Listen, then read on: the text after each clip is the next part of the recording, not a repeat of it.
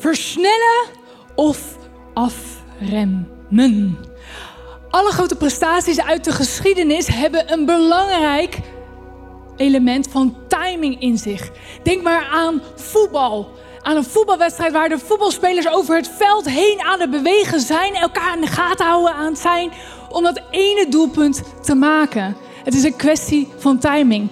Of denk maar aan ondernemen. Elke zakelijke belegger zal zeggen dat het belangrijk is om de timing goed in de gaten te houden. Wanneer je moet kopen en wanneer je moet verkopen. Wanneer je de ene deal wel moet sluiten of misschien wel niet. Of misschien wel als een zanger of als een muzikant is het heel belangrijk om de maat in de gaten te houden. Om op het juiste moment in te zetten, op de juiste toonhoogte. Het is allemaal een kwestie van timing. Of misschien ben je net zoals ik een planner. Ik ben een mediaplanner en ik hou in de gaten wanneer mensen online zijn, zodat ik het juiste boodschap op het juiste moment over kan brengen.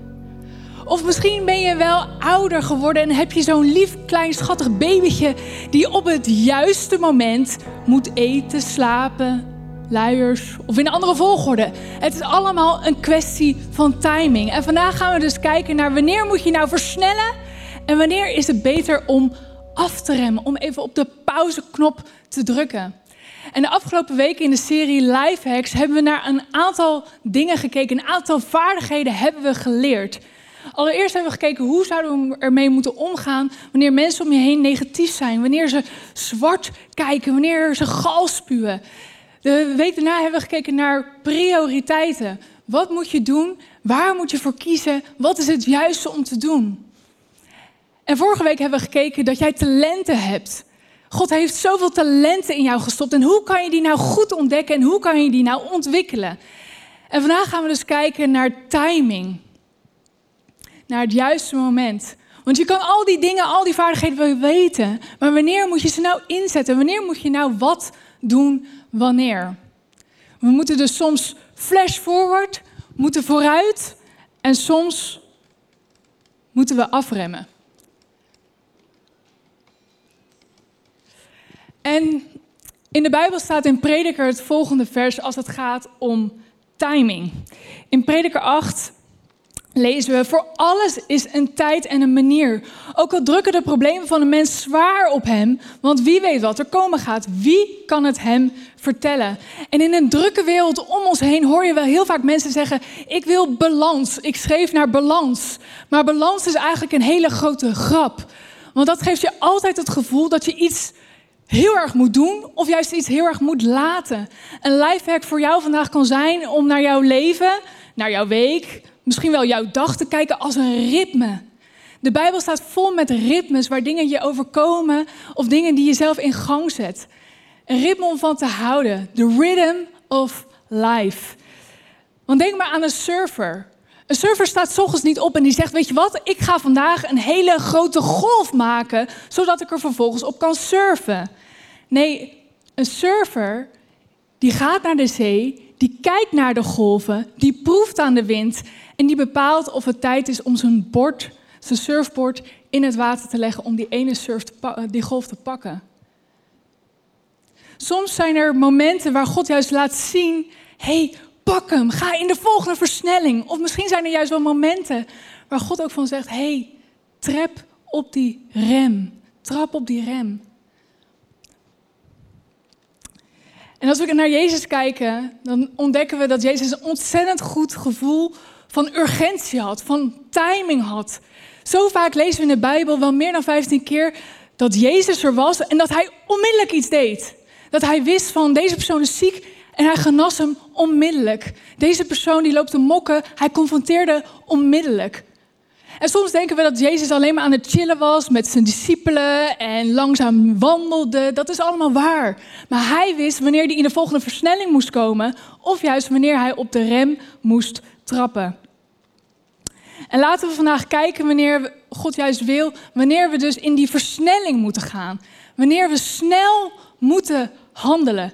En Matthias en ik hebben vandaag een aantal vaardigheden, een aantal momenten die je daarbij kunt voorstellen die in jouw leven nu plaatsvinden, waardoor je moet versnellen of juist op de rem moet trappen. Laten we eerst kijken naar versnellen. Wanneer zou je moeten versnellen? Allereerst wanneer je Gods stem hoort. Wanneer God jou iets vertelt, iets om te doen. Wanneer, je bidt of misschien hier in de celebration bent, dat jij iets ervaart, dat je iets hoort. Daarvan wil God dat je iets snel gaat doen. In de Bijbel in Marcus 1 staat, hij zei tegen hen, ga met mij mee. Dan zal ik jullie vissers maken die mensen bij mij brengen. Zij lieten hun netten liggen en gingen onmiddellijk met hem mee. Ze hebben meteen hun baan opgezegd. Ze hebben meteen gezegd: Jezus, ik wil u volgen. Kom, volg mij. En dat is onmiddellijke gehoorzaamheid. Wanneer Jezus iets zegt, om alles te laten vallen en zeggen: Ik ga het doen, ik ga het vertrouwen. In de Psalm 119 staat: Zonder aarzelen haast ik mij te doen wat u voorschrijft. Ik haast me om uw bevel, uw wensen in mijn leven, om dat te verwezenlijken. En zo vaak denken we bij haast aan iets negatiefs. Of dan denken we aan druk, of denken we aan moeten. Maar haast, als het gecombineerd is met gehoorzaamheid, is dat altijd goed. Wees snel in het luisteren naar God en snel in het handelen en het opvolgen wat God van jou vraagt. Dus de vraag voor mij aan jullie is: wat is nou iets wat je heel lang hebt uitgesteld? Of iets waarvan je denkt: God heeft het mij verteld, maar ik ben er niet meer in gaan geloven. Ik ben er niet meer op gaan vertrouwen. Ik ben mijn eigen weg gegaan. Het is niet te laat, maar doe het snel. Het volgende punt waar je snel in zou moeten handelen is vergeving. En vergeving is vooral in jouw eigen voordeel. God heeft jouw lichaam, jouw gedachten nooit gemaakt om je te laten vullen met wrok, met schuldgevoel. We vergiftigen onszelf zo vaak met dit soort emoties. En hiervan zegt God: vergeef snel. Ga in de volgende versnelling. Wanneer er spanning is, wanneer er iets fout is gegaan. Want we herkennen het waarschijnlijk allemaal wel dat je je druk maakt over het verleden, angst hebt voor de toekomst en op dit moment zwaar teleurgesteld bent in bepaalde mensen. En in de Bijbel lezen we daar in Matthäus 5 het volgende. Stel dat u in de tempel voor het altaar staat om God een offer te brengen. Als u zich daar dan herinnert dat iemand iets tegen u heeft, moet u het offer naast het altaar neerleggen. Ga eerst naar die ander toe Maak het met hem in orde en breng na pas jouw, uh, uw offer aan God. Met andere woorden, gebruik aanbidding, gebruik een celebration nooit als excuus om vergeving uit te stellen.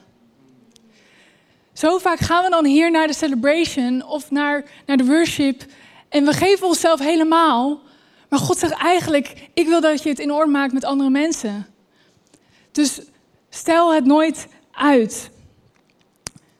God vraagt aan jou, waarom draag je het nog steeds bij je? Waarom ga je niet in die volgende versnelling? Waarom laat je je zo regeren door die angst? Ik heb je nooit op die manier zo bedoeld om je daarmee te vullen. Ik heb je lichaam ook nooit op die manier bedoeld.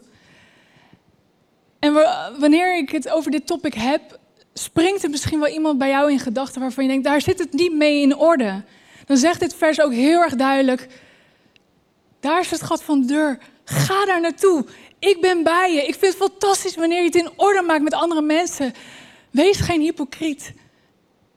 En maak het in orde met andere mensen. Niets meer zal je God daarmee blij mee maken.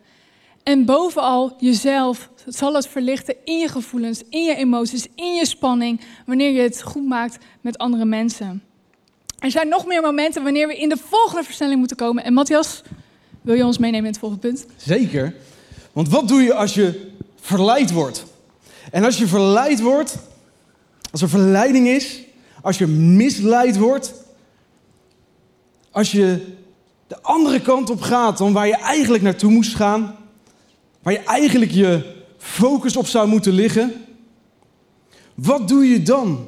Als je misleid of verleid wordt van hetgeen waarvoor je eigenlijk gemaakt bent. Waarvoor God je eigenlijk heeft gemaakt. Dat is het moment om te versnellen. Namelijk de benen te nemen. Zo hard mogelijk weg te rennen. En te zeggen, hier blijf ik zo ver mogelijk vandaan. Of misschien nog beter, om ervoor te zorgen dat je een preventief plan klaar hebt liggen. Dat je weet dat als dit in mijn leven om de hoek komt kijken, dan weet ik, dan heb ik nu alvast de keuze gemaakt daar wil ik niet mee dealen. Ik keer me om en ik ga zo snel mogelijk er vandaan. Om alvast van tevoren zo'n plan klaar te hebben. En als je dan toch in die situatie terechtkomt, als je dan toch met die verleiding te maken hebt, dan is het moment om in je leven een panic button te hebben. En te zeggen tot hier en niet verder. Ik weet, dit herken ik en dit wil ik niet meemaken. Heb een noodplan wat je uit kan rollen op een moment dat verleiding om de hoek kon komen. Kijken. Als je er echt door wordt verrast en als op het moment dat je het niet had verwacht. Als je opeens wordt overweldigd door bepaalde verlangens of door emoties. En emoties, I know, ze zijn nooit logisch.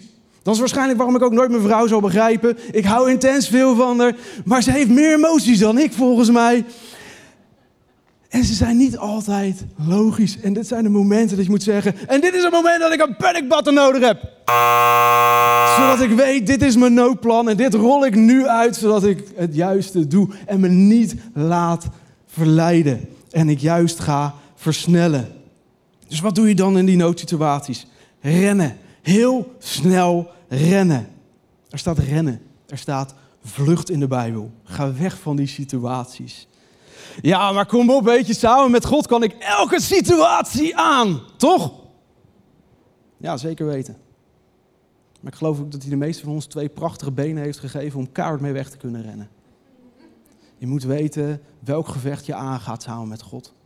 En waar hij je de kracht en energie geeft om om te draaien en te zeggen tot hier en niet verder. Ik rol mijn noodplan uit, ik duw op mijn panic button en dit is het.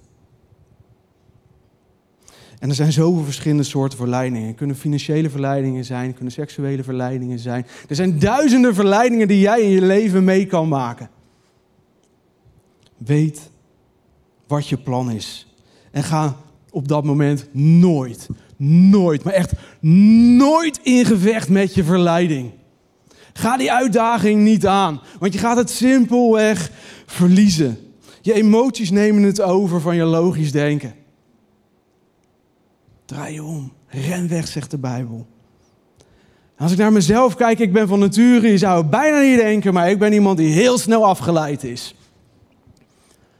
Voor mij is dat een hele grote verleiding op het moment dat ik dingen moet doen.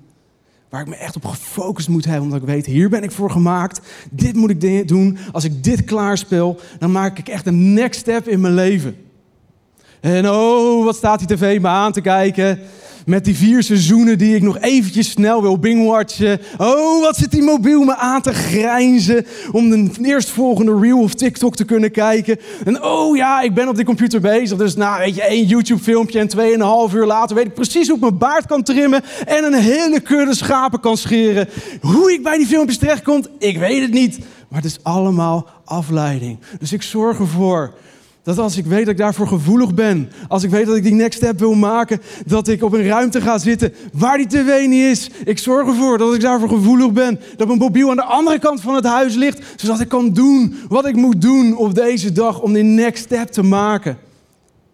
Om die volgende stap te maken waarvan ik weet, hiermee eer ik mezelf, omdat God me zo heeft gemaakt. Hiermee eer ik de mensen om me heen en hiermee eer ik simpelweg God omdat hij wil dat ik dit doe en hiermee een impact kan maken in mijn omgeving.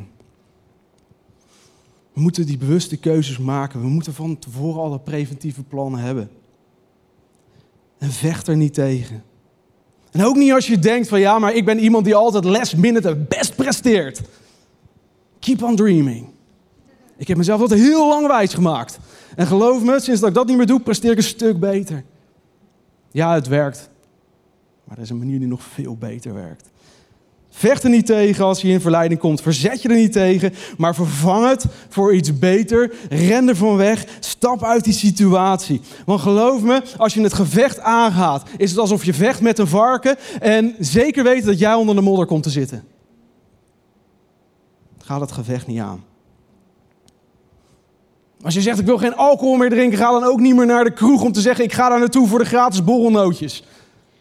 Zoek het niet op. Ontwijk het. Vervang het voor iets beters. Als ik ga stoppen, dan, dan zorg ik ervoor dat ik een preventieplan heb. Als ik, als ik als knappe man, als ik naar de kroeg ga, dan zorg ik ervoor dat er een goede vriend van me meegaat. Want ja, ik ben good looking en, en al die vrouwen, dus ik zorg ervoor dat die, ik zorg ervoor dat die ring te zien is. Zodat ze weten, bezet. En als ze dat dan nog steeds niet begrijpen, zorg ervoor dat er een vriend is die op die panic button duwt en de deur uitloopt. Ik zorg ervoor dat ik een plan heb. Een preventieplan, een noodplan. En ik weet, ik hou mijn focus op wat ik echt wil en waarvan ik weet wat God door me heen wil doen. Zodat ik de grootste impact kan hebben die ik maar kan hebben met mijn leven, met mijn God gegeven leven. De Bijbel zegt dit in 1 Timotheus. Timotheus, je bent een man van God.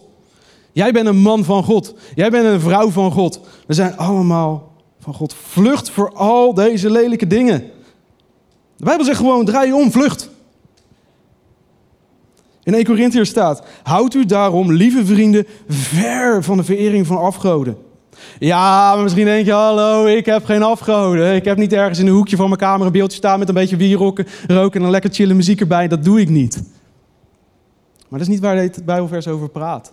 Afgoden is alles wat jij boven God neerzet. Een kan je, kan je auto zijn, kan je baan zijn, kan je partner zijn, kunnen je kinderen zijn. Een afgod kan een verlangen naar een baan zijn, een verlangen naar een auto zijn, kan een verlangen naar kinderen zijn, kan een verlangen naar een partner zijn.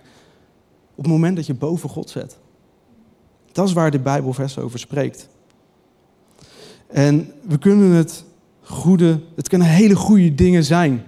Het zijn allemaal mooie dingen, maar op het moment dat we boven God zetten, wordt het een afgod voor ons. En ik geloof dat we allemaal momenten hebben dat we bewust of hopelijk onbewust dit doen in ons leven. En het gaat erom dat we weten, en nu gebeurt het. Nu draai ik me om, tot hier en niet verder. Panic button. Ik draai me om en ik hou me hier ver van.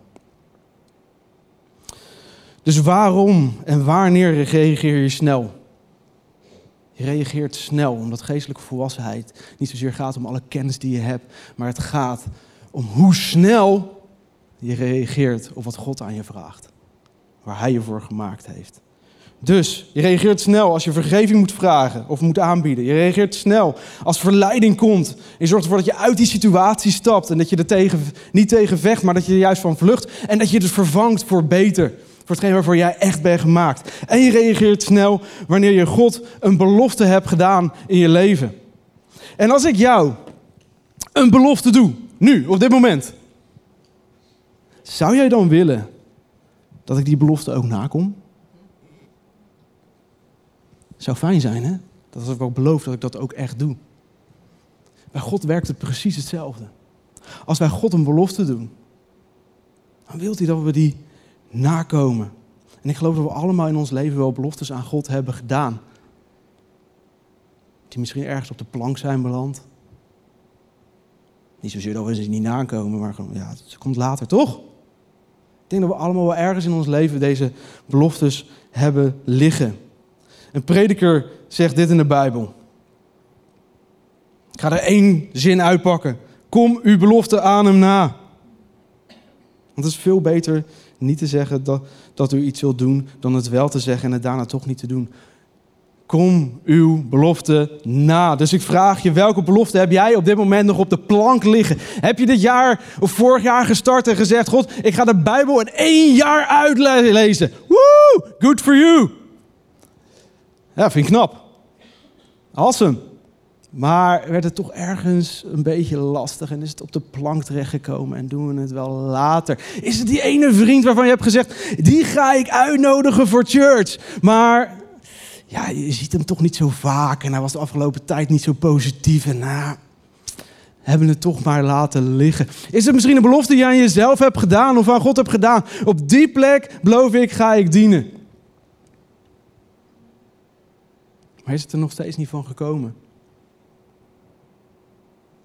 Reageer snel. God zegt, als je een belofte aan hem maakt, dat je die onmiddellijk moet vervullen. Wacht er niet mee. Maar druk op die versnel-button in je leven en zegt: Ik ga het nu direct doen. Op het moment dat ik zeg, is ook gelijk het eerste moment dat ik een actiestap ga nemen. Want ik wil in beweging blijven en doen waar God me voor heeft gemaakt. En mijn beloftes nakomen, zeker als het naar God is. En ik geloof dat op het moment dat we dat gaan doen, dat er bijna niets is. Dat als je het voor God doet, als je daarvoor je verantwoordelijkheid neemt, dat hij je zal aanmoedigen. Dat hij je zal zegenen in je belofte. En als je hebt gedaan wat je hebt gezegd, als jij jouw next step hebt gezet, dat God zegt, en nu ben je ready voor mijn next step met jouw leven. En dat je dat zal ervaren. Geestelijke volwassenheid gaat niet zozeer over wat we allemaal weten, maar gaat erom hoe snel we reageren in gehoorzaamheid naar God. Hoe snel we reageren in deze beloftes. En een ander moment waarop je snel moet handelen. Ready? Ready? Yes. Een ander moment om snel te handelen is deze. Ja, dat is wanneer God jou de kans geeft om iets goeds te doen. En de hele dag vol zijn er allemaal momenten wanneer we iets goeds voor een ander kunnen doen. Misschien is het wel aanbieden om een keer te gaan oppassen. Of misschien wel geld uit te lenen. Of misschien een keer iets te, te, een, een shift over te nemen van iemand anders. Niet omdat diegene erom heeft gevraagd. Maar gewoon omdat jij ziet dat er een kans is. Of sterker nog, wanneer God je vertelt dat er een kans is. Zo'n gedachte dat je denkt, well, je kan iets bijzonders betekenen voor iemand anders. Doe dat. Hetzelfde wat Matthias net zei, dat zijn dan precies de momenten wanneer we in de volgende versnelling moeten komen. Dat we snel moeten handelen. Dat we daar niet nog een keer over na moeten denken, want dan is het moment al voorbij. In Spreuken 3 staat het volgende. Geef, als je kunt, ieder wat hem toekomt. Wanneer je zo'n gedachte krijgt van wauw, je kan iets doen voor iemand anders, wacht er dan niet op. Maar als je kunt, doe het dan meteen. Laat zo'n moment dan niet voorbij gaan. Het brengt ook zoveel joy in jouw leven, maar ook de, degene die je, um, waar je iets bijzonders voor wilt doen. Die persoon die zal versteld zijn. En er zijn zoveel mensen die dan zeggen van... ja, als het wat rustiger wordt... dan sta ik meer open voor dat soort ideeën. Ik heb al genoeg aan mezelf. En die gedachte zorgt ervoor dat we dat soort kansen laten schieten. Een kans wanneer je echt wel iets kan doen voor iemand anders. Want het zal nooit rustiger worden. Het zal, dat is een mythe, dat het rustiger ooit zal worden. Tuurlijk, er zal een ritme zijn waar iets heel snel in gaat en wanneer het wat meer uitveet, maar het zal nooit rustig zijn. Dus wanneer jij een leven wil leiden waar je kansen pakt, en zeker de kansen die God voor je voeten legt, neem die dan. In Johannes 9, vers 4 staat: Zolang het dag is, moeten wij doen wat God ons opdraagt. Als de nacht komt, kan niemand meer iets doen. Zo simpel is het. Vraag je af, wat is het dat jij in je leven tegen God hebt gezegd van, oh, dat wil ik echt voor die persoon doen. Of hé, hey, ik zou echt wel een keertje voor die persoon willen koken. Of ik zou voor die persoon willen zijn. Bied het dan vandaag aan. Denk na wat er in je leven is waarvan je een kans ziet en grijp die kans. Ga ervaren hoe God jou daar ook in gaat voorzien. Hoe hij naast je staat en je gaat aanmoedigen. Ook al lijkt het heel onlogisch om het nu te doen. Grijp die kans en ontdek wat God daar doorheen wil doen. Het laatste waar je in de volgende versnelling in zou moeten komen, is wanneer God jou zijn liefde en zijn redding aanbiedt. En iedereen die er zit, iedereen die deze message later terugluistert of bekijkt, we zijn allemaal oké. Maar er is vandaag echt een stap, wanneer je dit ook hoort, wat jij kan zetten. Want het gebeurt zo vaak dat, dat je hier misschien al langer komt. Dat hier mensen zijn die al langer komen. Die genieten van de mensen, die genieten van de worship. Maar nog steeds dat ene moment hebben uitgesteld om Jezus aan te nemen als hun persoonlijke verlosser. Dat je hier in en uitkomt en geniet wat hier allemaal gebeurt. Maar je voelt je of nog niet waardig genoeg, of je denkt, ik, ik wil het nog niet helemaal. Of dan mijn vraag vandaag is, waarom zou je het nog uitstellen om die vergeving, die redding in je leven te stoppen? Waarom zou je dat niet volledig aan willen nemen? Waarom is vandaag niet de dag waarin jij zegt, ik wil echt serieus worden met Jezus. Ik wil echt snappen wat Jezus voor mij heeft gedaan. Dan is het vandaag geen dag om het uit te stellen, maar dan is het een dag om in de volgende versnelling te komen. Lees met me mee. Een fantastisch vers in 2 Korinthe. Want God zegt, op het goede moment ik, verhoorde ik uw gebed. Op de dag van redding kwam ik u te hulp. Dat goede moment is nu aangebroken. En het is ook die dag van redding. En ik weet nog zo goed, tien jaar geleden toen ik bij ICF kwam, leerde wie Jezus was, vond ik het ontzettend spannend om ook die stap te zetten. Het heeft me misschien wel meer dan een half jaar geduurd, omdat ik vragen had. Maar eigenlijk, als ik heel eerlijk was, vond ik het vooral heel spannend om die stap te zetten, omdat ik bang was wat andere mensen van mij zouden vinden. Wat ze ervan zouden vinden dat ik zou zeggen dat ik Jezus wilde volgen in mijn leven. Dat ik echt overtuigd ben dat Hij mijn persoonlijke redder is. Ik vond het spannend om te vertellen tegen mijn vrienden en familie. Maar op het moment dat ik heb gezegd en heb erkend van Jezus is de enige in mijn leven die mij kan redden. Die echt voor altijd bij me zou willen zijn. En ik wil Hem volgen. Op het moment dat ik dat heb gedaan, toen pas kwam ik in de volgende versnelling. Toen pas ging ik nog meer begrijpen wie Jezus was. En de afgelopen tien jaar ben ik zo dankbaar voor alles wat Hij in mijn leven heeft laten zien. En ik zou je echt willen aanmoedigen en zeggen: stel dat moment, stel die keuze niet uit. Er gaat nooit een goed moment zijn. En als er al een goed moment is, dan is die nu, dan is die vandaag. En wanneer jij die, die stap wil zetten, dan zullen we aan het einde voor jou specifiek gaan bidden. Want het is zo'n fantastisch moment om echt te zeggen: Jezus, ik ben serieus met u. Ik wil u echt ervaren in mijn leven, hoe spannend het ook is. Niet alles hoeft met grote snelheid te gebeuren. Maar als het gaat om liefde en redding in jouw situatie, dan is het zeker het moment om dat nu te doen. Maar er zijn ook momenten dat we op de rem moeten trappen als een situatie zich aandient. Of wanneer er bepaalde dingen gebeuren. En daarin nemen we jullie mee. In Spreuken 14 staat: Een geduldig mens geeft een blijk van veel verstand. Wie, uh, wie is geduldig? Wie heeft die gave gekregen? Bless you. Want ik denk dat we van nature allemaal wel in de versnelling komen bij dingen waar we misschien niet in de versnelling zouden moeten gaan. En dat we het moeilijk vinden om op de rem te trappen bij momenten dat we eigenlijk dat wel zouden moeten doen. En de eerste gedachte waarom we op de rem moeten trappen is wanneer je niet alle feiten hebt. Wanneer er een situatie is waar iets heel onduidelijk is. Bij onduidelijkheden moeten we op de rem trappen. Maar onze cultuur die waardeert en adoreert spontaniteit en impulsiviteit. Het is niet zo cool om te plannen en om even stil te staan en even over na te denken. En zeker op de momenten wanneer het nou, een beetje heet onder de voeten wordt, dan vinden we het lastig om daarin op de rem te trappen. Onze emotie, en ik ben daar zeker één van, zegt zo snel dat we moeten happen. Het zorgt ervoor dat we alle feiten overslaan en misschien wel meer rotzooi van maken dan het daarvoor al was. Klim bekend? Yes. Nou, het is geen yes, maar dat, ik ben blij dat jullie jullie ook daarin herkennen. En wat daarin gebeurt is dat, dat er zo vaak ook mensen zeggen, maar weet je wat? En jullie kennen ze ook allemaal. Volg gewoon je gevoel. Of uh, nog een ander. Oeh. Nou, volg gewoon je gevoel. Ga gewoon mee in wat je gevoel je nu ingeeft. Maar je gevoel en je hart, dat hebben we ook de afgelopen weken geleerd, die bedriegt je de hele dag door. Die vertelt je dat bepaalde dingen die echt niet goed zijn, dat ze helemaal niet zo slecht zijn. En andere dingen die juist heel slecht zijn, daar vertelt je hart van, wow, valt wel mee. Je kan het wel een keer overslaan. Je kan daar wel een beetje omheen liggen. Maar uiteindelijk ben jij degene die in de penarie zit. Ons hart kan bedrieglijk zijn. Spreuken 19, vers 2 zegt: Als iemand graag iets wil ondernemen, maar het inzicht ervoor mist, leidt het tot niets. Wie niet uitkijkt waar hij loopt, zondigt maar al te snel.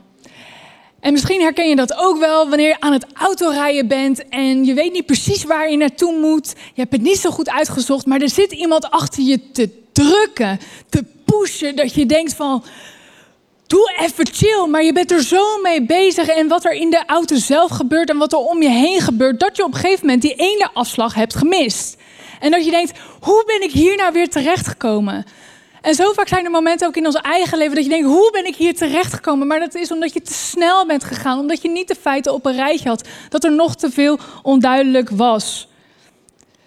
Mat, wanneer moet ik nog meer op de rem trappen? Ja, ben je wel eens boos? Gekwetst? Zijn jullie wel eens gefrustreerd? Of juist heel erg down? Dat zijn van die momenten dat je zegt, als je boosheid hebt, dat je op die, juist op die pauzebutton moet duwen. Als je boos of gekwetst bent, als je je down voelt, Herinner je dat je toen hele wijze besluiten hebt genomen? Ja, ik niet. Dat zijn de momenten dat mijn hart het overneemt. Dat is het moment dat die emoties het overnemen. Dat is het moment dat ik besluiten neem. Dat ik denk, dit, ik wil zo boos dat iedereen laten merken hoe ik me voel. En ik maak besluiten die niet logisch zijn, die niet rationeel zijn, die niet de beste impact maken, die niet het beste in me naar boven halen, die vaak anderen ook nog eens een keer kwetsen. Ik moet langzaam bewegen. Als ik gekwetst ben, als ik boos ben. Ik moet die pauzeknop duwen in mijn leven. Jacobus zegt dit in de Bijbel. Wees snel met luisteren, maar traag met spreken. En word niet snel kwaad. Zie je dat ritme hier? Dat ritme waar deze reden net in het begin al over had. Dat ritme, dat is precies wat je hier leest. Snel om te luisteren, langzaam om te spreken. En luisteren is niet alleen horen, luisteren is echt verstaan wat er gezegd wordt. Op je in laten werken, erover nadenken en daarna pas wel of niet met een reactie komen. vaak gaat het precies tegenovergestelde, toch? Meestal praten we en dan denken we, oh dan ga ik nog even luisteren. Je hebt zo'n quote die zegt, licht is sneller dan geluid. En dat daarom denken we vaak dat we een heel slim iemand tegenover ons hebben staan. Maar als die begint te praten, Wees er snel bij om te luisteren. Wees traag om te spreken. Spreuken zegt dit: Een geduldig mens geeft blijk van veel verstand, maar een heet hoofd die zet zichzelf voor schut. Zet eerst je verstand in een versnelling voordat je je mond in een versnelling zet. En daarvoor moeten we soms eerst op die pauzeknop duwen. De tweede moment waarin we op die pauzeknop moeten duwen, zijn de momenten waarop we voor grote, grote beslissingen komen te staan. En we hebben allemaal grote beslissingen in ons leven. Grote beslissingen die je hebt gemaakt, grote beslissingen die er nog aan gaan komen. En bij het nemen van grote beslissingen, doe het niet impulsief. Want het is een grote beslissing. Dus dat betekent de beslissing die je nu maakt, heeft impact op de komende jaren. Misschien wel op de rest van je leven. Het besluit dat je op dit moment neemt. Neem daar de tijd over. Denk erover na. Overweeg het. Bid ervoor. Mevrouw en ik hebben de drie maanden regel. De drie maanden regel hebben we ingesteld toen uh, mevrouw en ik net uh, met elkaar verkering hadden. En zij de eigen huis had. En ik wilde haar een plan voor de huis geven, maar zij wilde een schildpad. Ik zeg, schat, we, we roepen de drie maanden regel in, in werking. Nu, op dit moment. Als jij op drie maanden nog steeds zo graag een schildpad wil en het echt je leven groter maakt, dan gaan we een schildpad kopen. Ja, we hebben een schildpad. En dit was nog maar het begin van deze regel. We hebben hem toegepast als we een nieuwe auto gaan kopen, als we een huis gaan kopen, als we een hypotheek gaan afsluiten, als we een opleiding gaan doen, als we, noem het maar op. Wij nemen drie maanden maar waar het om gaat, zet een datum. En zeg de komende tijd ga ik hierover nadenken, ga ik het overwegen, ga ik ervoor bidden, ga ik er met experts over praten. Om dit besluit te nemen, want het is een grote beslissing die een impact gaat hebben op de rest van mijn leven. En ik wil er het beste uit kunnen halen wat erin zit. En als ik het over drie maanden nog steeds zo belangrijk vind, dan gaan we ervoor.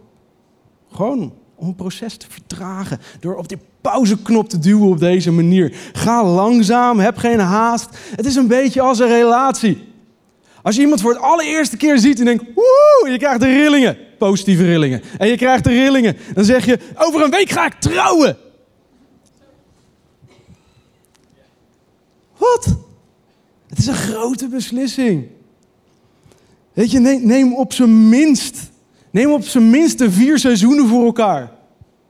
Herfst, winter, lente, zomer. Om elkaar echt te leren kennen. Om maar beter te leren kennen. Door al die seizoenen heen te gaan. Om echt iemand te kennen en te zien. Oké, voordat ik met je trouw wil ik zien hoe je echt bent. En hoe je, hoe je dingen doormaakt. En hoe je dingen handelt. Want de eerste, eerste tijd van een relatie doe je altijd het beste. Je zorgt ervoor dat je er het beste uitziet. Toen ik net verkering met mijn vrouw had. Echt, ik, ik poetste mijn tanden drie keer per dag. Ik ging twee keer per dag onder de douche. Ik zat onder de aftershave, noem het maar op. Ik zag er iedere dag moest, moest mijn kledingsetje anders zijn en anders gematcht. Ik moest er perfect uitzien. Ja, dat doe ik nu niet meer. ik ben nog steeds fris en ik zie er nog steeds netjes uit. Maar het verandert. Je gaat je liefde op een andere manier tonen. En je zoekt nieuwe manieren. Maar die eerste periode is die eerste periode. Het is, het, soms is het bijna een beetje fake. Weet je, als iemand in de kroeg naar je toe loopt en zegt: Ik ga een drankje voor je kopen. Dat is, het is nice, maar het is hartstikke fake. Ben je wel eens in een warenhuis geweest en toen is iemand naar je toe gelopen en die heeft gezegd: Ik ga een broodrooster voor je kopen? Nee, dat gebeurt ook niet. Het gebeurt alleen in die situatie, op dat moment. En het is nice en daar moet je van genieten. Maar op die ene moment moet je niet je beslissing maken voor een keuze voor je rest van je leven. Je moet het echt met elkaar doormaken. En kijken, hoe is iemand als die down is? Hoe is iemand als die verdrietig is? Hoe is iemand als ik down ben en verdrietig ben? En als hij eens een keer niet drie uur lang met, met me aan de telefoon wil zitten. Wat doe je op die momenten? Spreuken 21 zegt dit: Een goddeloze doet zijn eigen zin, maar een oprecht mens leeft bewust met God. Haal hem in iedere ervaring van je leven. Betrek hem erbij en neem daar de tijd voor. Zet er een datum voor. En neem echt in rust overwegen. Bid ervoor. Haal andere experts erbij om echt de beslissing te maken. Als je grote beslissingen moet maken. Je moet nadenken. Je moet je hersenen gebruiken. Die God je heeft gegeven. Sommige mensen zeggen je en denk je, nou, ik weet niet. Iedereen heeft hersenen van God gegeven, gekregen en gebruik ze. Haal daar het beste uit. En hij zegt, doe langzaam aan. Denk voordat je spreekt. Voor welke belangrijke beslissing sta jij op dit moment in je leven? Welke situatie zit jij op dit moment in je leven waar je een grote beslissing moet maken? Misschien in relatie, in werk, in school, in pensioen. I don't know. Welke grote beslissing moet jij op dit moment in jouw leven maken? Ik weet niet wat het is, wat jij op dit moment moet doen. Maar zorg ervoor dat je op die pauzebutton duwt. Zorg ervoor dat je op die rem trapt. En de tijd neemt om de beslissing van alle kanten te bekijken en te vertragen. De Bijbel zegt dit: houd goed in de gaten waar je voeten gaan, zodat de weg die je volgt, dat die goed is. En dat betekent dat je jezelf moet afvragen: moet ik het vandaag doen? Welke beslissing moet ik vandaag maken? Welke beslissing moet ik vandaag maken? Welke vaardigheid moet ik vandaag beter in worden, zodat ik morgen op die plek kan komen? Maar ja, ik wil het vandaag, ik wil vandaag op die plek komen.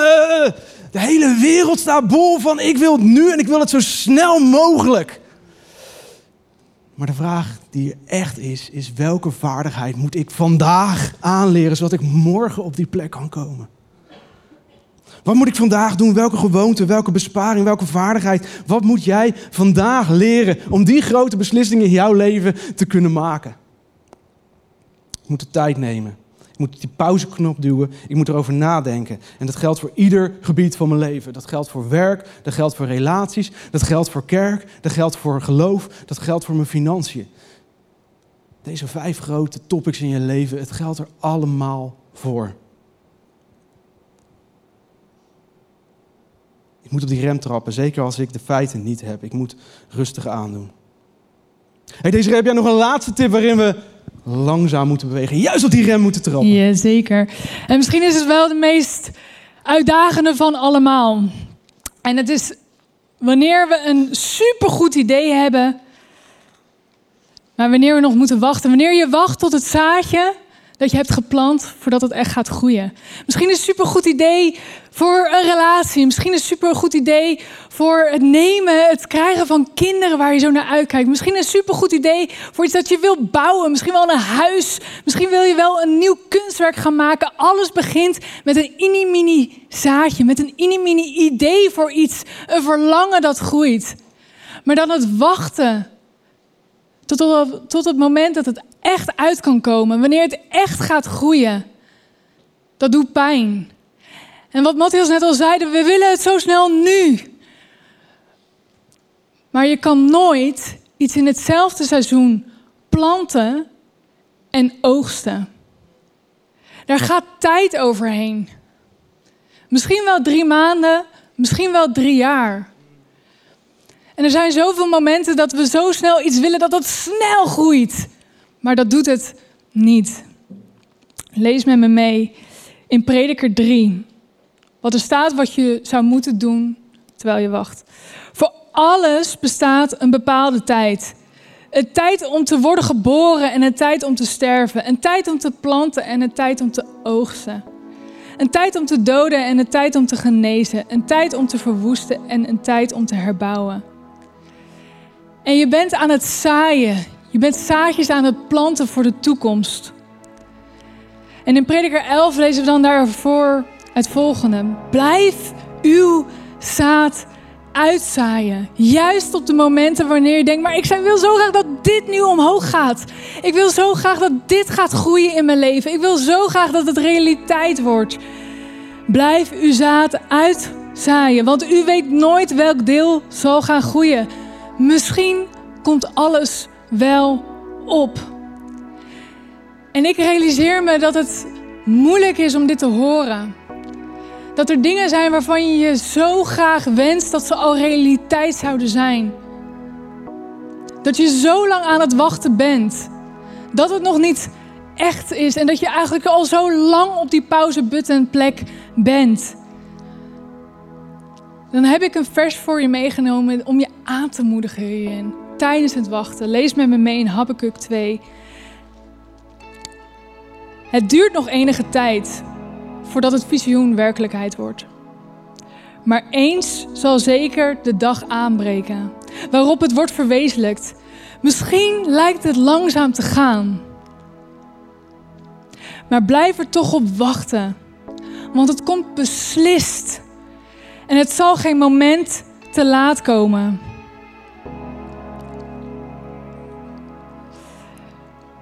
En misschien is dat wel iets wat je vandaag nog extra op moet schrijven. Of in je app moet highlighten. Misschien moet je het wel op je koelkast plakken om er elke dag naar te kijken. Want dit is een belofte wat God naar jou uitspreekt. De gedachten en de kansen en alles wat we vandaag hebben besproken. Wanneer God iets door jou heen wil doen, dan wil Hij dat ook echt doen. Wat de situatie op dit moment om je heen nu ook zegt. Het zal, het komt beslist en zal geen moment te laat komen. Want wat je zaait in de tussentijd, dat zal je ook oogsten. En ik vind het dan ook zo mooi om na te denken dat wanneer je bijvoorbeeld een maiszaadje zou pakken, idi mini, en je zou het in de grond stoppen en het zal gaan groeien, dan komt er geen één klein maiszaadje weer omhoog. Nee, dan komt er een sterke stronk omhoog. Met heel veel vruchten, met heel veel maiskolven, met heel veel zaadjes weer daarbinnen. Wat je zaait in de tussentijd zal je ook gaan oogsten. Dus saai die vriendelijkheid, saai die woorden van bemoediging, saai die momenten van vriendschap, saai dat je er echt voor een ander bent, want dat zal je uiteindelijk ook oogsten. Juist in die momenten waar jij aan het wachten bent en waar je radeloos en moedeloos van wordt. Dan ben je juist op een plek waar God iets bijzonders in je hart kan doen. Hoe moeilijk dat ook is, hoe lang je ook moet wachten. Maar ik hoop dat het je vandaag sterkt en je aanmoedigt. Dat God beslist niet te laat zou komen en dat Hij gaat komen in je leven. En we zijn nu aan het einde van deze message en ik wil super graag samen met jou bidden. En zeker wanneer je nog nooit een keuze voor Jezus hebt gemaakt. Wanneer je de afgelopen week hebt genoten van deze lifehacks, van de vaardigheden die we leren uit de Bijbel, om je sterker te maken, om je succesvol te maken. Maar alles heeft geen zin wanneer jij niet die ene stap met Jezus wil zetten. Wanneer je al die lifehacks separaat bekijkt van Jezus, wie Hij is. Dat Hij je een compleet nieuw leven wil geven. Hij wil je niet delen van jouw leven opleuken of opfrissen. Hij wil je een heel nieuw leven geven. En wanneer jij vandaag die stap wil zetten, wees dan moedig. You can do it. Waar je ook bent op dit moment. Om je leven misschien wel opnieuw aan Jezus te geven en zeggen: Ik wil alles vanaf nu. En om dat kracht bij te zetten, laten we staan. Laten we staan en verwachten dat God iets doet. Misschien wel in het leven van je buurman of buurvrouw, waar je ook bent. Om echt te verwachten dat God iets waanzinnigs gaat doen. Ja, Jezus, ik wil u danken dat u voor ons stierf. Om te laten zien dat u alles kan overwinnen, zelfs de dood. En er zijn zoveel plekken in ons leven waar we ons dood en leeg voelen. Wanneer we zo lang aan het wachten zijn op dat ene wonder in ons leven. Of die ene gedachte waar we van dromen dat u dat door ons heen gaat doen, maar het is er nog niet. Jezus, zelfs die gedeeltes, daarvan zegt u, ik wil u een nieuw leven geven. Ik wil nieuwe delen in jouw leven laten ontpoppen, laten bloeien. En in de tussentijd kan je zaaien. En later ga je oogsten. En wanneer je nog niet die keuze met Jezus hebt gemaakt, bid dan met me mee.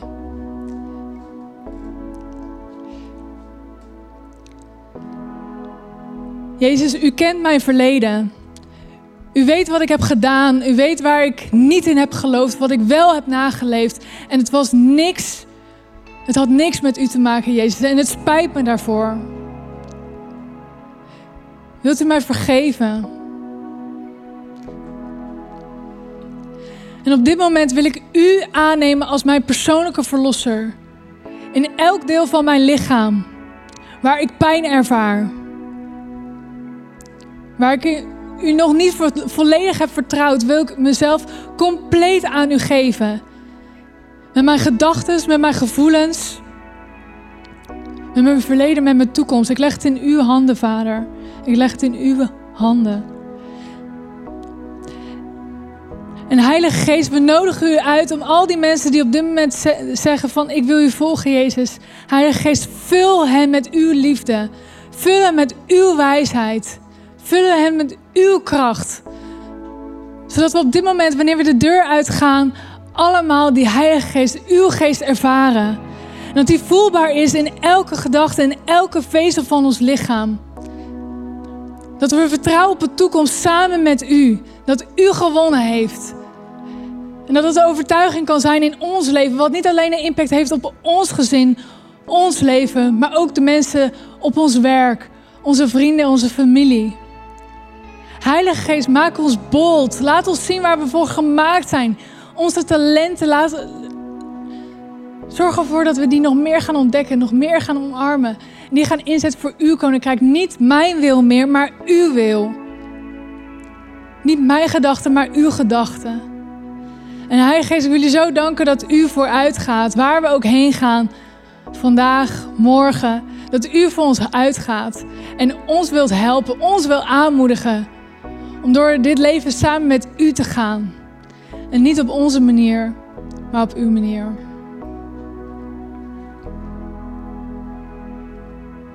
Amen. We gaan nu een tijd in van worship en ik wil je echt uitdagen en uitmoedigen, eh, aanmoedigen om, om je compleet aan Jezus te geven. Niet alleen in het zingen van hele mooie teksten, maar echt te geloven wat, wat je zegt, dat dat waar zou worden. Want dan pas ga je die verandering in je leven zien. Je kan het niet losscheiden. Je kan niet meezingen en een vette actie eruit verwachten. Nee, geef echt alles. Ook al is het de eerste keer of al is het de honderdste keer. Maar geef alles in de aanbidding voor Jezus.